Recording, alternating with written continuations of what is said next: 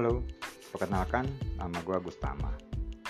Dalam episode ini gue mau sharing tentang radio internet. Kata banyak orang membuat radio internet itu mudah. Banyak yang ngasih tahu cara membuatnya di YouTube ataupun di situs lainnya. Dan karena gue memang suka dunia broadcast, maka gue pun akhirnya tertarik dan mencoba membuat stasiun radio internet sendiri. Radio internet yang gue buat, gue dedikasikan untuk lingkungan gue, jadi semacam radio komunitas gitu. Dan ternyata memang mudah kok caranya. Singkat cerita, stasiun radio internet gue udah jadi dan sudah melakukan penyiaran selama hampir dua minggu ini.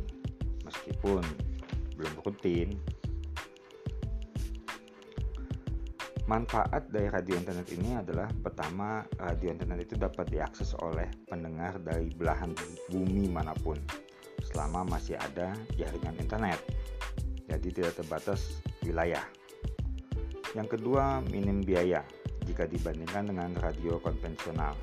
Karena peralatan yang dibutuhkan juga tidak sebanyak media radio konvensional. Nah, kenapa gue belum rutin melakukan penyiaran itu ya? Nah, ini ternyata tantangannya di sini. Yang pertama, membuat konten atau acara radio yang menarik itu bagi gue tidak mudah. Apalagi gue melakukannya semuanya sendiri. Dari mulai bikin bumper radio, bikin logo, bikin tampilan, bikin acara, sampai membawakan sendiri pula. Belum lagi membuat woro-woro ya atau pengumuman atau info-info di media agar teman-teman kita bisa tahu keberadaan stasiun radio internet kita. Terus yang kedua, orang Indonesia itu belum terbiasa mendengarkan radio internet sepertinya. Apalagi radio internet yang bukan mainstream seperti radio-radio swasta yang ada di FM. Mungkin karena pemahamannya juga masih kurang ya, jadi perlu ada edukasi ke masyarakat umum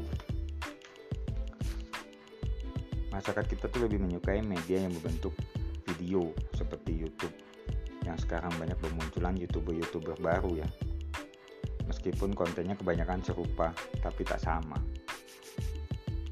Nah yang ketiga radio internet kita itu sulit ditemukan oleh orang lain yang tidak mengenal kita.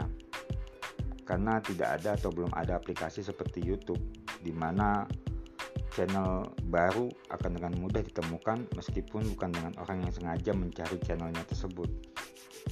Ketiga hal itulah ketiga hal itu adalah tantangan yang harus gue hadapi apalagi bagi kreator radio internet secara umum ya mungkin biasanya mereka juga akan memasukkan konten radionya tersebut ke YouTube untuk mencari pendengar baru oke segitu aja dulu sharing yang bisa gue berikan malam ini ya. Nanti kita lanjut lagi di episode berikutnya. Terima kasih sudah mendengarkan